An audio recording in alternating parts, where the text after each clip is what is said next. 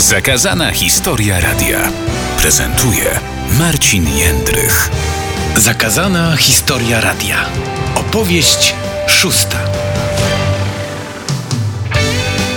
Temat do dzisiejszego naszego spotkania w zakazanej historii radia zaproponował słuchacz mieszkający w USA, Tomek, y, na co dzień rezydujący w stanie Michigan.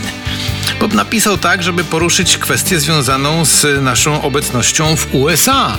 Właśnie, bo to był początek działalności radia RMFM i od razu skoczyliśmy także na radiowe anteny między innymi w miastach amerykańskich. O tym za chwilę powiem. W związku z tym musimy cofnąć się do e, początków radia, może nie do samego początku, ale do czerwca 1992 roku.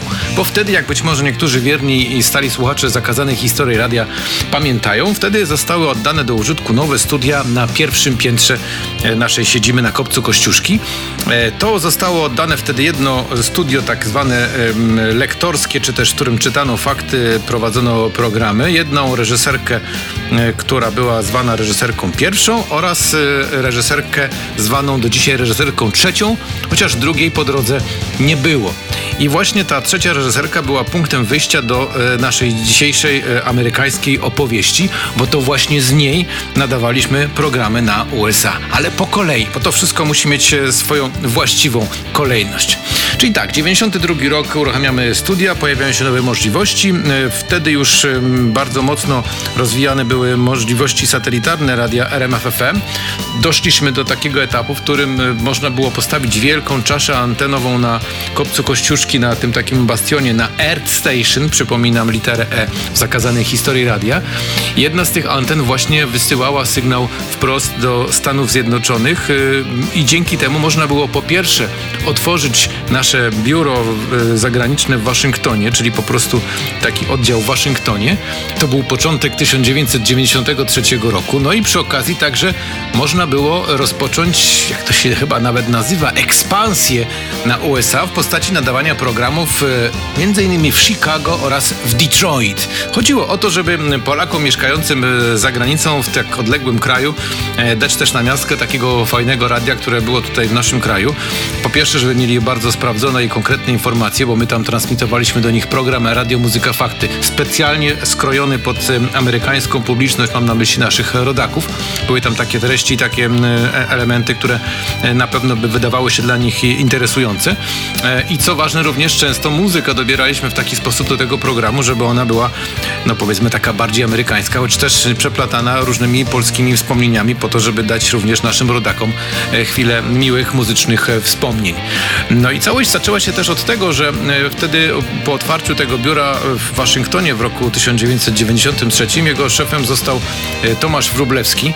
To był nasz pierwszy człowiek, który rezydował w USA i stamtąd e, nadawał i przekazywał różnego rodzaju informacje dotyczące tego, co dzieje się w Stanach, a w Stanach zawsze coś się dzieje, więc zawsze było tam o czym opowiadać. I do tego e, to, co kiedyś już też mówiłem, e, ten niesamowity techniczny trik, który polegał na tym, że e, z kopca Kościuszki można się było przez satelitę połączyć wewnętrznym numerem z centrali kopcowej właśnie z, ze studiem w Waszyngtonie 253, o ile dobrze pamiętam, chyba taki to był numer. Po prostu dzwoniło się, jeśli to była pora, w której Tomek Wróblewski był w swoim biurze, no to po prostu podnosił słuchawkę i słuchać było tak, jak dzisiaj w każdym normalnym telefonie. Ale te programy, które my robiliśmy na potrzeby y, amerykańskiej publiczności, amerykańskich odbiorców, y, po pierwsze były nadawane właśnie z tej reżyserki numer 3, a po drugie były też troszkę inaczej robione, dlatego że e, one były robione popołudniową porą u nas, ale wtedy, biorąc pod uwagę różnicę czasu, w Stanach e, było przedpołudnie, co było czasami dość karkołomnym zadaniem. Miałem też przyjemność parokrotnie taki program prowadzić. Trzeba sobie było uzmysłowić, że tutaj za oknem u nas się robi już y, ciemno i szarawo, a tam Amerykanie dopiero się rozkręcają, dopiero dzień się dla nich zaczyna, więc to też było dość istotne, żeby odpowiednio dopasować się narracją i tym, jak się zwraca do tych y, słuchaczy. E, zwłaszcza, że akurat tej reżyserce trzeciej było okno i ono dość y, zawsze było nastawione na słońce, bo to jest strona taka południowo-zachodnia, no więc popołudniową stroną, popołudniową porą tam było sporo e, słońca. I to, co ważne jeszcze, to e, ta nasza transmisja do Stanów polegała na tym, że mm, myśmy wynajmowali, mam na myśli radio, wynajmowało w e, lokalnych amerykańskich stacjach nadających właśnie w Chicago i Detroit e, taki czas antenowy, takie dwie godziny, bo tam te radia tak funkcjonowały. Myślę, że do dzisiaj też tak część funkcjonuje, że ktoś po prostu buduje sobie radio i nie ma pomysłu na to, jak to radio robić przez 24 godziny na dobę, e, tylko poszczególne bloki programowe, godziny wynajmuje zainteresowanym. No i ktoś przychodzi na dwie godziny, robi sobie swój program, potem zwija się, wychodzi, przychodzi następny. Taki pomysł, może i oryginalny, może to jest nawet coś, co jeszcze kiedyś może powrócić, bo wiadomo, że pewne pomysły i patenty radiowe często powracają. E, część chyba tych stacji, albo nawet wszystkie to były stacje nadające na falach średnich, na tak zwanym AM-ie, czyli jakość, e, no powiedzmy, dość e, kiepska, no ale to przede wszystkim tutaj chodziło o to, żeby mm, uruchomić ten przekaz i żeby ci ludzie mogli sobie tego posłuchać. Co więcej, z tego co pamiętam, w tamtych czasach to właściwie wszystkie amerykańskie samochody były wyposażone w odbiorniki, które zawsze miały e, AM, nie wszystkie mogły mieć e, te fale FM, na których my dzisiaj słuchamy radia, co również oznaczało, że była łatwość e, do, dotarcia do tych ludzi i zasięgu tego radia na tych falach średnich, ale od nas oczywiście był dosył cyfrowy przez satelitę, prosto z naszego stołu, przez te wszystkie łącza. To dolatywało tam cyfrowo, no a potem to radio na średnich falach to trochę psuło ten dźwięk, ale przecież nie tylko samym dźwiękiem człowiek żyje, również tą treścią, którą my przekazywaliśmy do nich. No i nawet raz raz zrobiliśmy takie wyjątkowe połączenie. Miałem wtedy przyjemność prowadzić ten program. E, to program do USA połączył się z programem nadawanym w Polsce. To było tak, że w którymś momencie e, dograliśmy tak sytuację, że i w, na antenie w e, Krakowie, czy też w, w no, Krakowie okolicy oraz e, na antenie w amerykańskiej wersji programu kończyły się jakieś piosenki i wtedy wystartowaliśmy jedną piosenkę z jednej reżyserki, która jednocześnie była emitowana i w Polsce, i w Stanach. I tak w sumie poszły chyba ze 3-4 piosenki równolegle.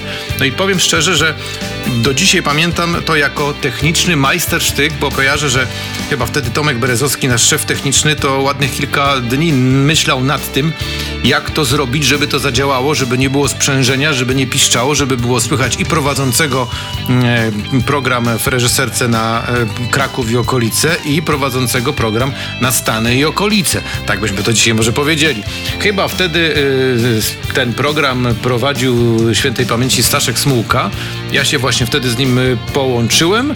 No i tak żeśmy zrobili sobie małą techniczną przygodę. Pewnie dla większości słuchaczy nie miało to jakiegoś e, istotnego znaczenia, bo pewnie powiedzieliśmy o tym na antenie, ale no któż by się takimi technicznymi rzeczami emocjonował. Tylko my, ludzie radia, pewnie takie rzeczy bardzo mocno e, przeżywamy. E, tam też jeszcze jest taka historia, że tu Tomek właśnie podpowiedział, który zaproponował ten temat, że właśnie Tomek Berezowski przyjeżdżał do wynajętych stacji radiowych, by tam ustawiać anteny satelitarne żeby właśnie mogły odbierać ten nasz sygnał, który e, przylatywał z Polski, po to, żeby mogli go o odpowiedniej godzinie wpuszczać u nich tam na antenę. I tu jeszcze jeden e, aspekt tej naszej waszyngtońskiej czy też amerykańskiej historii, e, to po pierwsze to, że mm, w 1994 roku mieliśmy też przyjemność prowadzić i prezentować na antenie taki program, który nazywał się e, Mad Hatter Gang. To był taki program, w którym uczestniczyło trzech dziennikarzy dyskutujących o bieżących politycznych sprawach. E, nasz e, korespondent w Stanach Tomek Wróblewski, pan Jacek Kalabiński i pan Tadeusz Zachurski, świetni fachowcy, wybitni dziennikarze, którzy po prostu siedząc sobie w waszyngtońskim studio dyskutowali o tematach politycznych, nie tylko amerykańskich, ale także i ogólnoświatowych. I to wszystko u nas szło na antenę.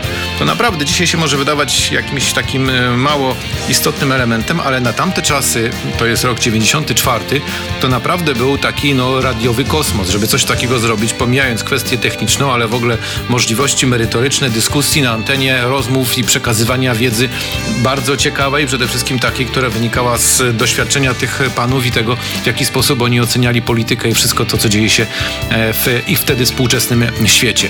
Tutaj jeszcze dodam, że e, tych naszych korespondentów i ludzi, którzy reprezentowali RMF y, na amerykańskiej ziemi było sporo. Był Tomek Wróblewski, potem jeszcze była Małgorzata Zawadka i Agnieszka Pukniel, potem był korespondentem Grzegorz Jasiński, którego teraz doskonale znacie zapewne z RMF Classic oraz także z wszystkich tych naukowych i bardzo ważnych medycznych osiągnięć, które prezentuje na antenie RMFFM. No a naszym najdłużej pracującym wysłannikiem na amerykańską ziemię jest oczywiście Paweł Żuchowski, który dzierży dzielnie mikrofon RMFFM już od 2009 roku, a więc to już y, niebawem będzie 12 lat. No piękny wiek, no to już y, kilku prezydentów mm, zaliczył.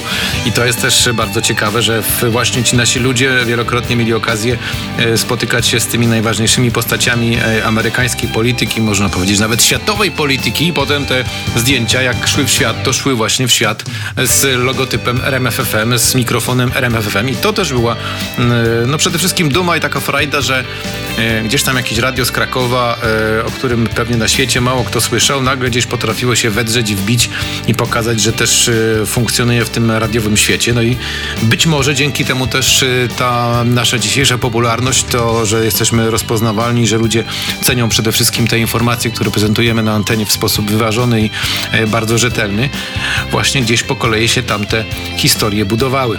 I tu jeszcze dodam na koniec, że ta emisja programu na, na Chicago i Detroit, tam się zmieniało to w, na przestrzeni kilku ładnych lat. Zakończyła się w 95 roku i potem jeszcze była taka e, transmisja już wtedy internetowa programu RMFFM na Stany. E, no a potem jak już e, nadeszła era internetu, jak już nadszedł czas, zwłaszcza dzisiaj, e, powiedzmy popularnego streamingu i wszędzie można radia posłuchać, to już e, te fajerwerki satelitarne i te wszystkie łączenia satelitarne już niestety na nikim nie robią wrażenia. Zresztą to jest też tak, że te wszystkie sprzęty i te połączenia, one były bardzo kosztowne. To wszystko kosztowało, bo to miejsce na satelicie, w które można się wstrzelić i z niego odbierać wysyłać sygnał, to były naprawdę ciężkie pieniądze ale też właśnie robiło się to po to, żeby pokazać nasze możliwości, naszą dynamikę oraz, y, co najważniejsze chyba, to, że y, czujemy radio w taki sposób, że jak coś się dzieje, to tam po prostu muszą być nasi ludzie i relacjonować to na żywo. I to tyle, jeśli chodzi o dzisiejszą amerykańską historię w ramach zakazanej historii radia. A w kolejnym odcinku spotkamy się pod y, hasłem Monter Mix. Do usłyszenia.